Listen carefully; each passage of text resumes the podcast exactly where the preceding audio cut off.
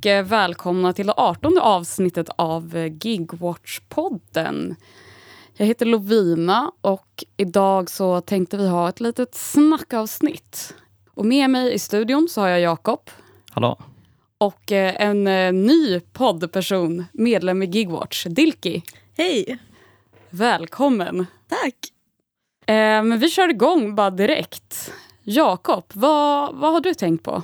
Ja, men jag har gjort en eh, djupdykning i subkulturen chef. Okej, men vänta, på vilket sätt är chef en subkultur? Jag känner att vi måste liksom bara reda ut det först, för det är ganska spännande. Ja, men de har väl lite sin egen värld liksom, med olika chefaktiviteter. Jag vet inte, de kanske spelar golf eller någonting. Ah. Uh, chefer lever på ett visst sätt, de kanske bor i en villa. Klär sig på ett visst sätt också tror jag. Ja, precis. Mm. Men jag tror att också det, chefkulturen, den har förändrats lite uh, över tid. Liksom. Det är inte kanske de här uh, gubbarna med en hög hatt och mustasch alltid idag som är chefer. Som monopol. ja, precis. Den monopolgubben idag kanske skulle ha på sig någon så här Lycra-dräkt eller någonting. Vad är det? Det är en sån man har på sig när man typ cyklar. Aha. Så chefer är mer hippa nu? Ja, precis. De, typ, eh, de gillar träning och äh, grejer, är Mm. min tes. Mm. Äh, men jag kommer gå in på det mer alldeles strax.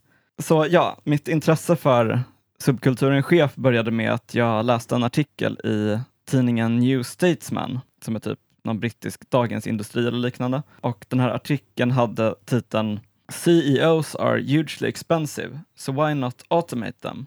Eller på svenska, VD är väldigt dyra, varför inte automatisera dem? Då tänker man kanske, åh, det är lite antikapitalistiskt. Eh, Men jag läser vidare.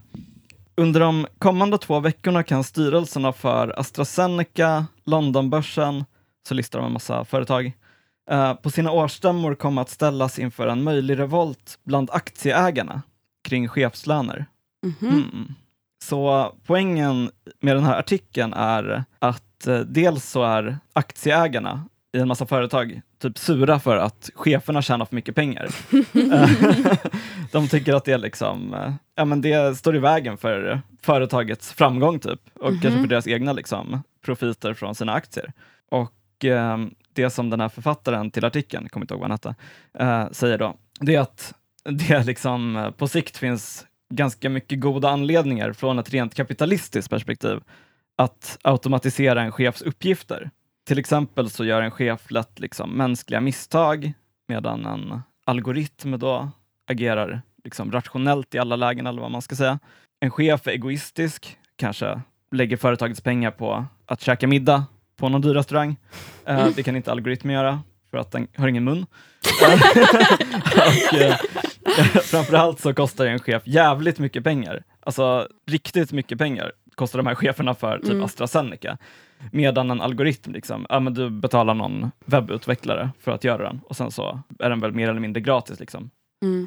Och jag tycker att den här artikeln äh, den var intressant av liksom flera olika anledningar. Dels så alltså kan man ju koppla det till lite det vi har snackat om tidigare i podden med att äh, alltså det finns den här felaktiga bilden av att det först och främst är de här liksom fysiskt krävande och lågbetalda jobben som kommer försvinna och ersättas med robotar. Mm. Men liksom om man tänker efter så fattar man ju att det är en ganska mycket sämre affär att liksom ersätta 2000 Foodora-bud med varsin liten robot som ska ut i trafiken och eh, köra, än att eh, hyra in någon kodare som typ automatiserar bort hela HR-avdelningen. Men är det inte det lite liksom Foodora är? Eller liksom, jag menar, Mm. där är det ju verkligen algorithmic management. Ja, de har ju bara typ, alltså okej, jag vet inte om just Foodora har det, men eh, om man kollar på många av de här gigföretagen så ser man ju att de har typ sex anställda, Mm. eh, samtidigt som de typ har så här, 5000 bud som köper dem. Och det är väl då de som sitter och gör de här, den här kodningen liksom. Mm. Så de behöver ju inte vända personalchef eller vad fan det nu heter. Så ja, det är ganska uppenbart att den liksom stora vinsten för ett företag framförallt finns i att få bort de här typen av typ dyra administrativa jobb som ofta kanske inte kräver så mycket intelligens. Oh. Ehm, Men eh, jag tycker också att den här tanken på att ersätta chefen med eh, den här algoritmen då är intressant i relation till hur en bra respektive en dålig chef liksom redan definieras i dagens kultur. Och då började jag tänka lite på ett begrepp som heter segertimmen. Känner ni till segertimmen? Nej, absolut Nej. inte.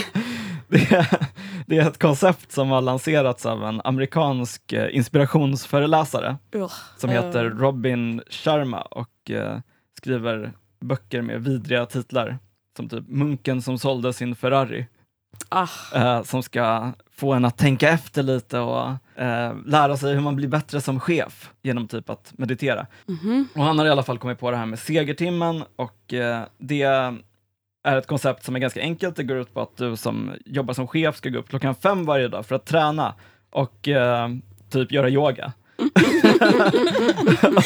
och, ehm, jag citerar en artikel från Företagarförbundet som väl är någon, ja, det är väl vad det låter som. När dessa aktiviteter är över klockan fortfarande bara fem och du är full av energi, ny kreativitet och kunskap. Ja, så chefen ska gå upp skittidigt och typ, jag vet inte, bli full av energi. Jag tycker det säger någonting om hur subkulturen chef ser ut idag. Att kritisera de här liksom lata cheferna som typ tar sovmorgon och glider in en halvtimme på arbetsplatsen för att kolla så att folk jobbar. Att kritisera det kanske låter som en vänstergrej, men att kritisera lata chefer ur en effektivitetssynpunkt, det verkar faktiskt vara ganska mainstream bland cheferna själva. Så på sätt och vis finns det redan en idé om att en bra chef ska bete sig ganska mycket som en algoritm. Man ska liksom jobba jävligt hårt istället för att lata sig. Det ses som fint bland chefer typ. Det eh, hänger väl verkligen ihop med sån här entreprenörs... Alltså ideologin. Hasselkulturen. ja, exakt. Ja, men liksom att det är så här, entreprenörerna som kämpar sig och de jobbar så hårt och de är så kreativa och de är out there och de tränar. Alltså, Ja, och då kanske man liksom får ett så här reflexmässigt svar på det som typ vänsterperson. Att bara, nej men de jobbar inte alls hårt. och det gör väl inte många heller, för att de typ, jag vet inte, jobbar med att träna eller någonting. Eh, eh, alltså de ser det som jobb. Men grejen är väl också så här att eh, en chef som jobbar hårt, det är ju en läskig chef. mm. Mm. Så liksom, jag tycker att man kan säga att det både finns chefer som jobbar hårt utan att det är en positiv grej. Jag tycker snarare att det är en ganska negativ grej. Liksom. Mm. Men jag tycker det liksom eh, sätter ju också lite så här... Eller för det, det som jag tänker på är väl lite så här, okej men vad är en chef? Alltså för en chef är ju egentligen... För det känns som att när man säger det så tänker man liksom, ja det är den som är på toppen av pyramiden. Mm. Men så är det ju inte riktigt. Alltså för chefen är väl liksom också anställd eller liksom tillsatt av aktieägarna som är liksom är i styrelsen. Ja, eller företagsstyrelsen. Och det är egentligen de som sitter och gör absolut ingenting och bara äger Precis. saker. Mm. Ja, det har du rätt i. Det finns väl liksom olika typer av arrangemang. Liksom. Det kanske finns ställen där chefen äger det också. Ja, men jag tror liksom inte det är så på typ sådana där stora, alltså större företag. Nej, alltså det känns ju som att deras, de är ju mer en arbetsledare, Mm. tror jag. Ja, precis. Alltså en chef har ju arbetsuppgifter. Ja. Och de arbetsuppgifterna är väl oftast liksom att styra och kontrollera arbetet. Mm. Eller typ att liksom delegera de uppgifterna till mindre chefer som finns under. Liksom. Mm. Så exakt, och det är ju det som liksom är situationen här. Att de här aktieägarna liksom vill få bort cheferna för att de Alltså även om de kanske hade en funktion en gång i tiden, innan det fanns den här typen av typ plattformsteknik som finns idag, så ses de väl mer och mer idag som liksom någon lite onödig bromskloss som typ sitter och snor en massa pengar från företaget för att typ sitta i en badtunnel eller någonting. och, medan aktieägarna bara vill ha liksom mer och mer pengar. ja. Jag tycker att det är lite intressant att så här, tänka på från ett eh, liksom kapitalismkritiskt perspektiv. Alltså, det är ju lätt att kritisera chefer för att chefer är eh, dumma i huvudet och eh, de är jobbiga och eh, eh, störiga och eh, ja, Mm. man hatar chefer helt enkelt. Men i slutändan verkar det som, om man tittar på till exempel gigekonomin, att chefer kan liksom automatiseras bort eller försvinna utan att det på något sätt innebär att typ arbetet blir mer nice. Jag menar, jobbet känns fortfarande lika meningslöst, även om det liksom inte är någon som eh, tar dina pengar och chillar för dem. Det enda som ändras är liksom att man inte ens har någon att eh, vara sur på. Typ. Ja, men du, du var inne på det, eh, jag kommer inte ihåg när det var, men när man liksom har den här mer algoritmchefen, att då blir det som att man blir sin egen chef och liksom ja, så här, mm, man riktar den här liksom, kritiken mot arbetsformen blir liksom snarare mot sig själv. Alltså, ja, så här, att det bara blir man själv hela tiden som typ inte har presterat bra eller liksom att man typ leder sitt eget arbete men också inte typ. Mm, jag tänker på någonting som någon skrev på typ Twitter för ett tag sedan. Som skrev eh, “Var din egen psykopatchef”. och det känns verkligen som liksom, det är det som blir liksom följden av att eh, man tar bort cheferna som sådana och ersätter dem med till exempel då någon plattform. Liksom. Mm. Ja men det är ju en slags maktdiffusion. Att man sprider ut makten och så internaliserar den och självdisciplinerar sig själv. Och det är klart att det sparar ju väldigt mycket. Så Exakt. det är ju så här Foucault, så här, Ja, maktdiffusionen. Så, Men hur, hur reagerar den här subkulturen och cheferna på det här då? Bra fråga. Artikelförfattaren intervjuade inte någon chef eller så. Man tog däremot en chef som exempel som, på en sån här typ ineffektiv chef eh, som aktieägarna då hatar. Eh, som typ hade liksom skrut, skryt, vad fan heter det? Skrytigt, skrutit, skrytit Skrytigt. på, eh, på Twitter om att typ hon hade en så himla bra assistent som eh, tillät henne att typ vindsurfa på Hawaii hela dagarna medan hon skötte allt arbete med företaget. De nämnde bara i artikeln att hon var så här tech-entreprenören, eh, whatever. Men jag kollade upp den här eh, chefen också. Det visade sig att hon var vd för ett företag som eh, typ har gigifierat psykologbranschen med en app som heter Ja. Butler. Utan E. ja, det är lite cursed. Och hennes assistent bodde i Filippinerna, så hon hade liksom outsourcat typ chefsjobbet till någon administratör i Fi- Filippinerna som typ antagligen hade liksom skitlåg lön jämfört med om man hade haft en assistent i USA. Så det fanns otroligt mycket cursed saker med hela den här bakgrunden till detta. Oh my god. Men det var liksom, ja, när jag läste det så bara staplades det sjuka saker, så jag visste inte jag skulle få med allt här. Men nu lyckades jag klämma in det i alla fall. Okej, så att hon hade liksom en virt... Alltså hon drev det här företaget Butler och sen så har hon en virtuell butler som sköter hennes jobb så att hon kan vindsurfa. Exakt. Ja. Men jag gissar att cheferna, de är nog ganska anti att automatiseras bort. För ja, de vill väl ha kvar sina jobb. ja, Ja, precis. de ställer ju också sin arbetskraft. Ja. exakt, exakt. Oförväntad menar- proletär. De kanske inte kan så mycket heller annat än att vara chefer. Så det blir jobbigt för dem om de ska ut på arbetsmarknaden. Sen så har de rätt mycket sparpengar. Men... Ja, men jag vet inte, alltså jag tror liksom att den här... Alltså, fast många som är chefer är väl, är väl också sådana som liksom har jobbat sig upp, typ. Eller jag vet inte. Det kanske bara är så i den när, närheten där jag ser det. Liksom. Eller i och för sig, det kanske inte är så. Det är väl jättemycket så här, nepotism och så. Liksom, att man bara tillsätter en helt random person som inte fattar någonting och bara du är chef, typ. Och man bara, Mm. du kan ingenting. Precis, det finns ju många chefer som har jobbat sig upp genom att vara psycho. ja, men du sa en rolig grej innan när vi pratade också att en bra chef är en korkad chef. Mm. Ja, precis. Med kanske vissa så här begräns... Alltså det, det kan ju vara jobbigt att ha en korkad chef också. Men, men på ett sätt så, alltså man kanske hellre har en chef som typ sitter i den här badtunnan än någon som sitter uppe hela nätterna och typ, jag vet inte, plottar en graf över hur produktiv man varit senaste veckan. För att kolla vem de ska sparka härnäst liksom. Så en eh, korkad chef kan vara en bra chef, men en smart chef är definitivt en läskig chef. Och där är ju algoritmen eh, kanske läskigast av allt. Liksom. Ja, det måste vara den absolut läskigaste chefen. Ja, inga fler tankar om subkulturen chef. Nej men kanske inte runt så här subkulturer men jag tänker så här mycket så här, så här, hur ska man hålla dem ansvariga om det är en algoritm? Eh, liksom, men vem är ansvarig för Är det webbutvecklaren? Är det den själv? Eller? Alltså jag tänker att det verkligen blir, alltså, för det var det, liksom det jag också tänkte på. Och då känns det ju som att det verkligen är aktieägarna och investerarna. Alltså det är ju de som faktiskt är de som sitter på kapitalet och Mm. liksom styr hur det ska liksom fungera eller liksom så.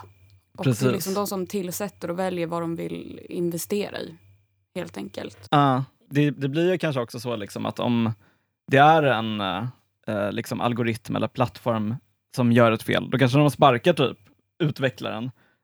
Mm. Men liksom utvecklaren eh, kanske inte bygger den utifrån Alltså, det som styr i bakgrunden är ju liksom jakten på ökat värde. Mm. Mm. Och det kan man ju aldrig utkräva ansvar från. Alltså det är ju som det Marx säger att kapitalisterna, det är, de är ju bara kapitalet personifierat. Mm. Mm. Det är liksom, det finns en dynamik som ligger bakom allting.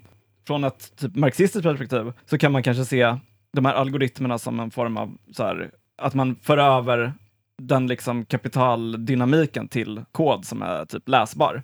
Ja men precis, jag tänker att även om alla chefer i hela världen fick så här vanlig lön, alltså det skulle fortfarande inte vara värt någonting. För alltså, problemet är inte lönerna i sig, det problemet är ju att de har så mycket makt från början. Alltså jag skiter väl i om Ikeas så här, äh, chef får 28 000 eller 25 000, alltså det är så här irrelevant. problemet är strukturen men Ja. det är klart att, nej faktiskt, korkad chef före robotchef. Men helst ingen chef alls tänker jag.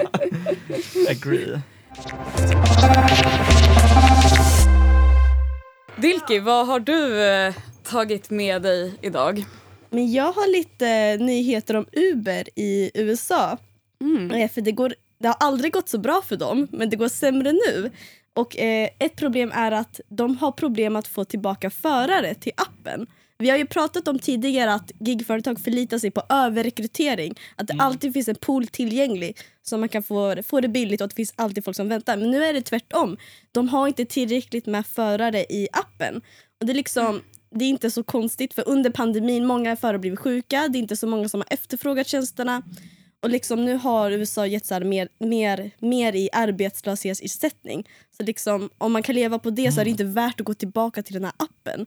Och det är ju Uber och många andra företag lite så här pissed off. Varför vill ingen arbeta? Varför kommer ingen tillbaka? Ehm, så de har lagt så här, 250 miljoner dollar, alltså det är typ miljarder i svenska kronor, eller hur? Ja. Och det här är ju så här bonusar och ökad timlön. Det är som vi har pratat om förut, så här, den här uppstartsfasen av gigföretagen, att de ger bra villkor Ja. att få tillbaka dem. Det är typ det har gått runt en cirkel. Åh, jävlar. så nu är de där igen, de försöker få förare till appen igen. Ja. Och det är någonting som jag tycker är väldigt intressant, att de har alla de här pengarna för bonusar men inte för så här, förbättrade villkor. Liksom, Mm. Det är för dyrt, men inte så här, miljoner miljoner dollar i ersättningar. Och så är det en annan sak att de har tecknat kollektivavtal-ish i Storbritannien. Just Ehm, det. Men det verkar, Mm. jag är lite osäker på om det är ett kollektivavtal för det står union deal, union agreement men inte collective labor agreement. Ah. Så de är inte riktigt där i kollektivavtal. Men, de Men har, är inte kollektivavtal typ en svensk grej? Nej, Nej. jag har för mig att det... jag vet inte, jag tror det heter collective labor Ja. agreement på engelska. Jag har Men det hört står bara så- collective bargaining agreement också, CBA typ. Mhm. Ja, brukar man skriva. men nu står det bara union deal i Storbritannien. Och de har skrivit det här med GMB som är en, en, av- en generell trade union. De samlar från alla branscher. Typ över 600 000 medlemmar. Mm. Så det är en väldigt stor fackförening. Och Det här har ju kommit i efterföljden av att Uber fick den här domen i Storbritannien att de räknas som arbetare och då har ju Uber anpassat sig lite efter det. Men problemet är att Uber Eats eh, är inte inkluderade.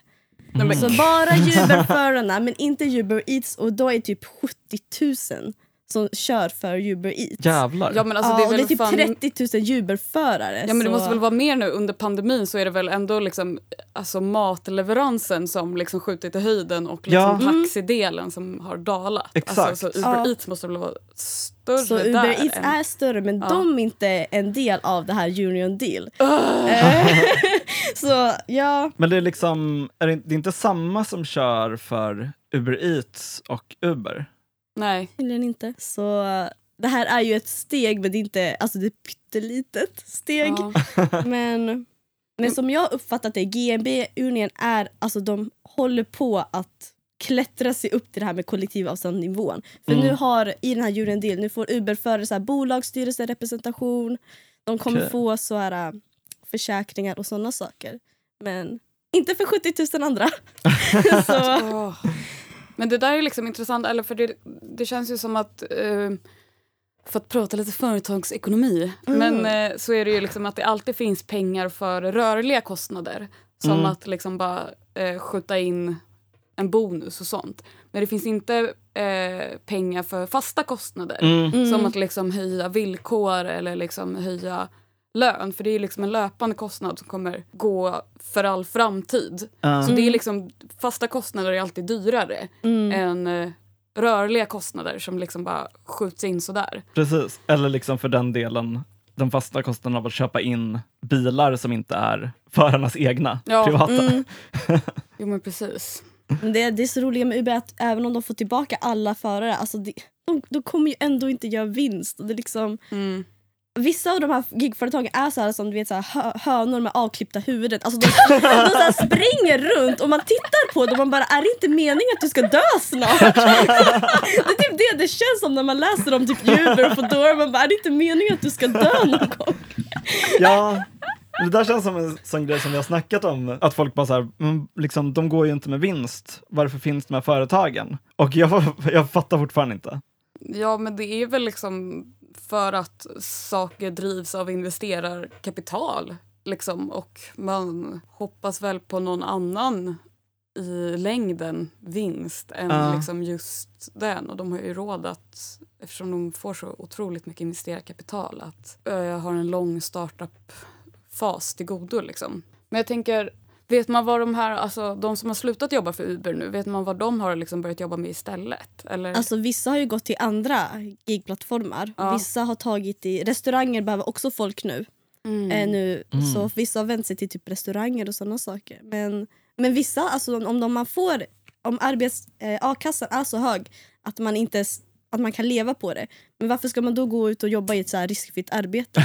och det är typ där, då har ju såklart så här äh, men konservativa och re- republikaner bara här, så här, här är vad som händer när man ger folk för mycket i bidrag. De stannar hemma. Och man bara åh nej, folk går inte till de här skitjobben, vad synd. Nej men jag har sett på typ, alltså på kanske Twitter, det känns som jag refererat Twitter typ tre gånger, men att man har sett typ så här bilder från kanske McDonalds också där det har stått så här closed due to lack of workers. Är det också på grund av att de liksom har höjt a-kassan? Ja, men du har ju också sett de här, så här Ja. massa bilder på sociala medier, så här, alltså massa så här papperslappar, så här, vi har ingen personal, eh, butiken är stängd. Och så är det så här, vissa roliga lappar så här, bara, vi, we run the place.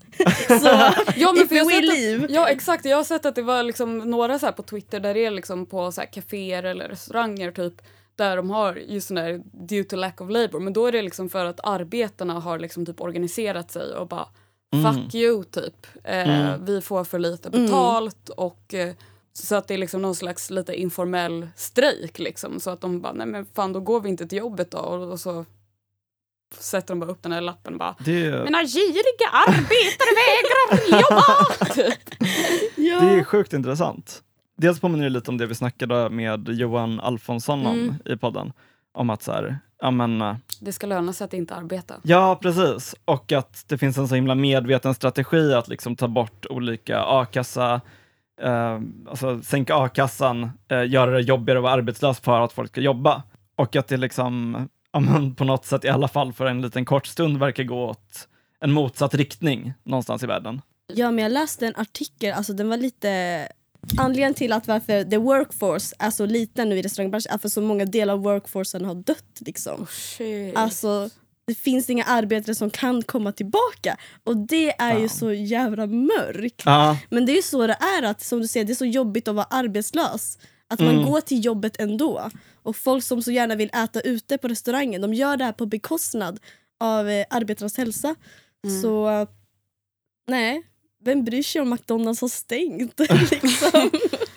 strejka genom att dö. Ja men nästan så. Gud, ja, nej, men för att det har ju dött så otroligt många i USA. Verkligen. Men det, det känns väl som att det måste ju vara kopplat till så här, ja, men att eh, cheferna och arbetsgivarna bara inte har liksom satt in och liksom skydd för personalen whatsoever. Att det Mm. har varit liksom lite fritt fram liksom, med deras hälsa på spel. Mm. Vad tänkte du prata om Lovina? Jo, jag har fått ett sommarjobb. Eh, Grattis! Ja, man bara, goda nyheter, jag har fått ett sommarjobb. Tråkiga nyheter, jag har fått ett sommarjobb. eh, nej men eh, det känns skönt eftersom jag har ju varit otroligt ekonomiskt utsatt under pandemin och så har jag ja, men, jobbat inom typ tre olika branscher och nu så kliver jag in i fjärde branschen som då blir transport, för det är det mitt sommarjobb är. Och så jag har liksom inte skrivit på något avtal eller så än. Och så kände jag så här, men jag, vill ha koll på så här, jag vill inte bli hasslad på att någon vet, så här, jag tror att de har kollektivavtal så då vill jag veta när jag ska skriva på vad det innebär. Eh, så då googlade jag eh, så här, transport, bla bla bla, kollektivavtal, lön. Men de uppgifterna var inte offentliga. Oj. Så att kollektivavtalet var bakom en paywall. För det var verkligen så här, aha, vill du veta vad du har rätt till? Då måste du vara medlem i Transport. Typ. Och jag bara, men okej, okay, ska jag bli medlem i Transport men jag är redan med i liksom SAC för att jag, liksom, ja, för att jag sympatiserar väl mer med dem och liksom hur det fungerar och jobbar men också så här, i så här, dagens eh, ja, osäkra arbetsmarknad, så, eller just eftersom jag liksom frilansar så, så har jag liksom hoppat mellan så mycket olika. Mm. Och sen så nu så har jag liksom jobbat under pandemin då, inte bara liksom inom musik och ljud utan också då ideell sektor och så, så har jag jobbat restaurang och nu så liksom transport och man bara okej okay, men om kollektivavtalen ska vara bakom paywall, alltså är det meningen att jag liksom för varje sånt här nytt litet timmisjobb ska gå med i ett nytt fackförbund? Mm. Att så här, nu har OBS, det är inte alla, alltså vissa fackförbund, till exempel hotell och restaurang, de har de här lönerna och sånt offentliga. Mm. Men både Kommunal och Transport har sina avtal bakom Aha. paywall. Fan vad sjukt. Det är så jävla sjukt. Så jag behövde skriva en liten arg Twitter-rant och få liksom, att någon på riktigt liksom, som var medlem i Transport liksom, laddade ner avtalet och skickade till mig. Och det kändes som någon så jävla så här kollektivavtals-piracy. fildelning av Ja. kollektivavtal. Ladda upp det i torrent på Pirate Bay. Ja men alltså typ. Och det här jag bara, what is this dark world? Typ. Eh, och så kom det liksom, blev det lite diskussion om det här på återigen referat till Twitter då, men att det kom, kom liksom lite sossepampar och bara men vadå, man känner, eller för jag bara, men jag kan, jag kan liksom inte se hur man kan Alltså varför man skulle göra så, för det ligger väl ändå i fackförbundens intresse att liksom de här kollektivavtalen upprätthålls. Och det är väl ofta man kanske går med i ett fackförbund efter man har liksom Mm. skrivit på och tagit ett jobb. Eftersom liksom när man söker jobb söker man ju kanske ofta jobb inom massa olika grejer.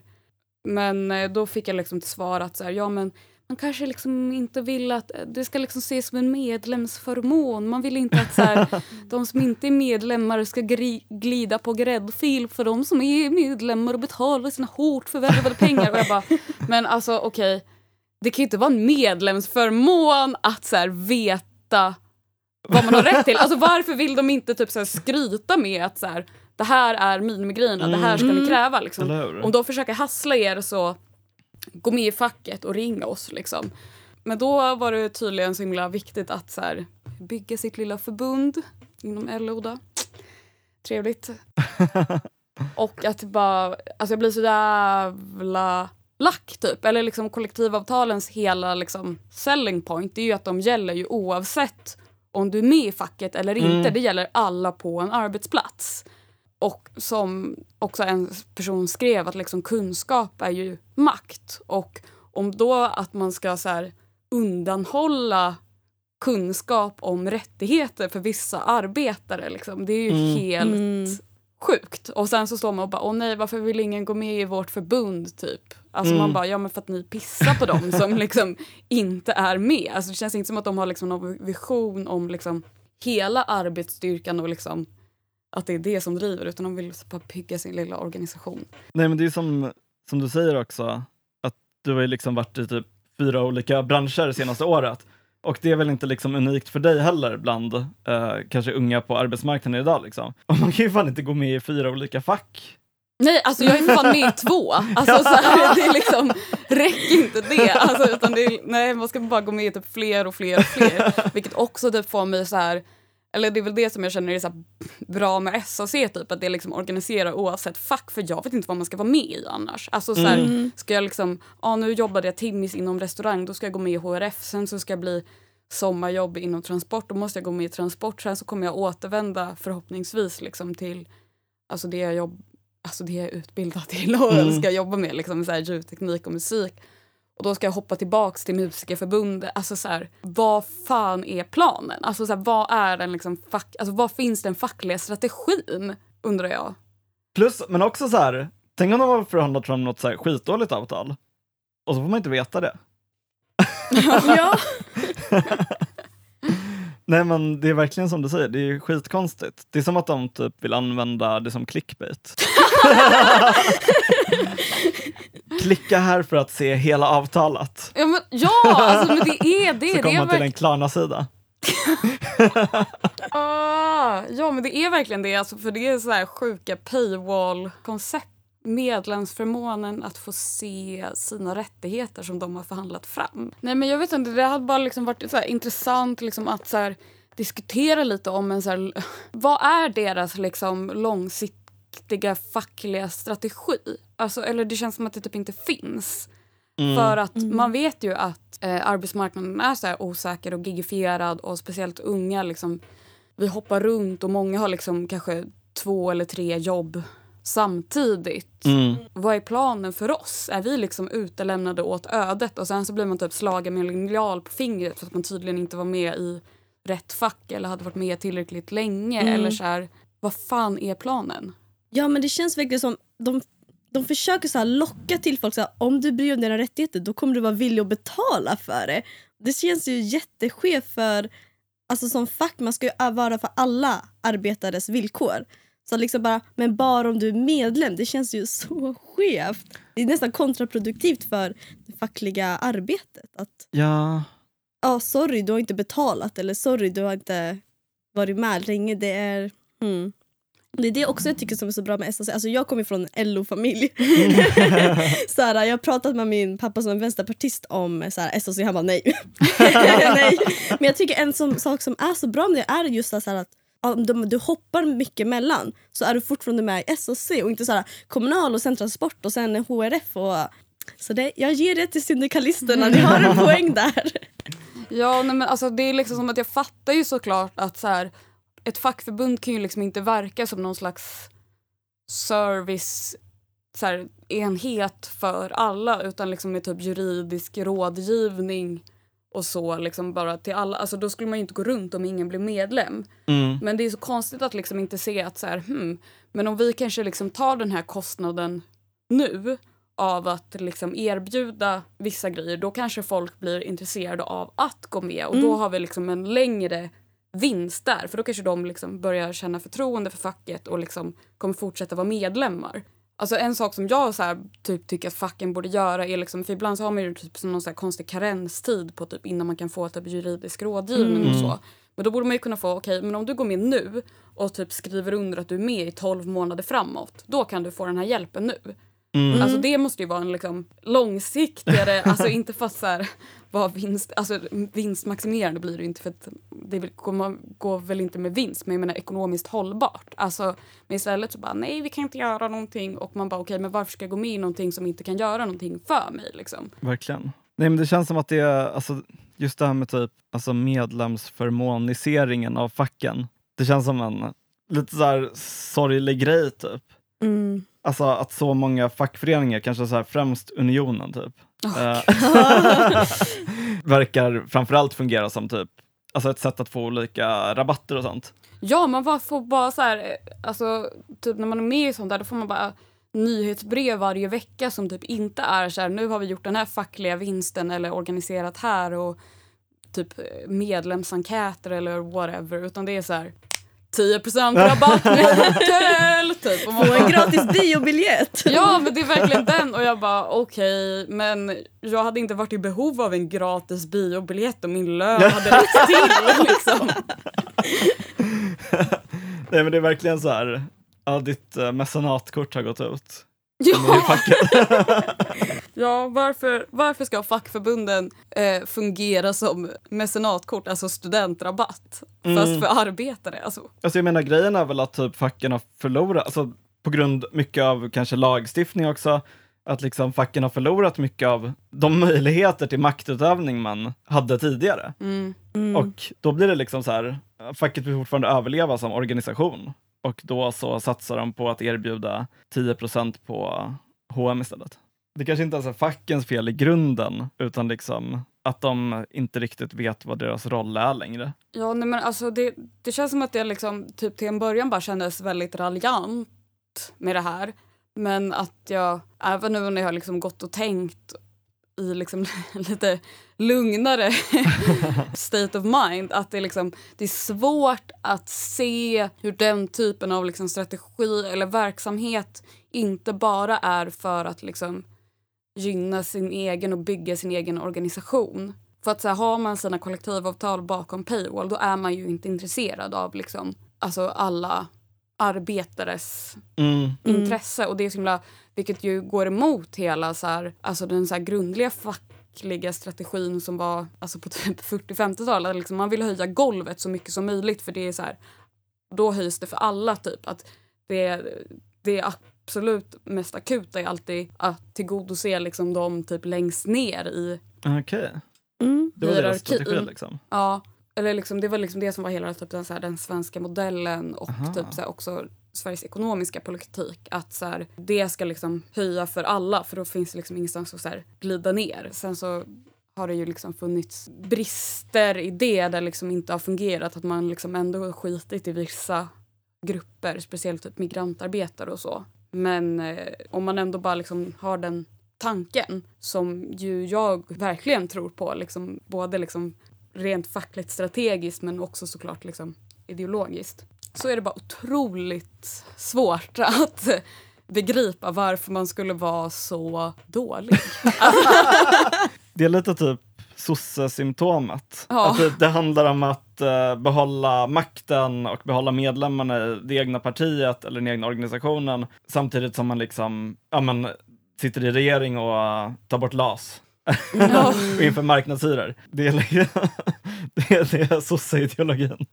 Ja, men jag tänker också på typ så här Roland Paulsen, sån här strukturell dumhet. Typ. Mm. Det är det här med att eh, folk bara gör som de eh, blir tillsagda för att de liksom inte ser någon annan utväg. Typ. Mm. Alltså, han snackar ju om folk som jobbar på Ja, Arbetsförmedlingen. det. Och att de liksom fattar att de typ, de gör ingenting, de förmedlar inga jobb. Men de fortsätter ändå att liksom göra det som deras policy säger för att de är typ, alltså det det den enda reaktionen de kan ha på att eh, det går så jävla dåligt för Arbetsförmedlingen. Mm. Det är att bara fortsätta göra det fast det inte har någon verkan typ. Ja. Sosse. ja, men det Ideology. känns ju lite som LO-grejerna också. Att man liksom bara fortsätter och sen så är bara åh, nya visioner om vad liksom ett fackförbund kan spela för roll eller så. Det är bara nya medlemsförmåner. Mm, Mm. deppigt. Otroligt deppigt. Verkligen. Vad hände med vår fina svenska modell? Tack för att ni har eh, lyssnat. Eh, jag tänkte bara göra lite reklam för att vi ska ha en sommarcirkel i massa olika städer. Eh, så man kan gå in på gigwatch.se sommar för att anmäla sig till eh, studiecirklar som är att det är två tillfällen och ganska upplagt för att vi ska dela med oss av erfarenheter och tankar och läsa lite texter. Men om eh, vi inte arrangerar på just din ort så har vi tagit fram material för att man själv ska kunna arrangera på sin ort, kanske med sina vänner eller Eller med en organisation eller exakt. bara på egen hand? Precis. Vi har tagit fram material och hjälper till med planering och har liksom en liten handbok i hur man håller en studiecirkel och hjälper till med marknadsföring och så. Får man organisera en studiecirkel genom MUF? Nej, där, där går nog gränsen faktiskt. Men eh, de brukar inte hålla på med studiecirklar. Eller? Det är mer hamburgarutdelning va?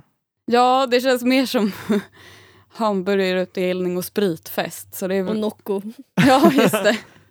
Men om, om någon från MUF lyssnar och vill komma och dela ut gratis hamburgare på vår studiecirkel så... Då, Då är man välkommen.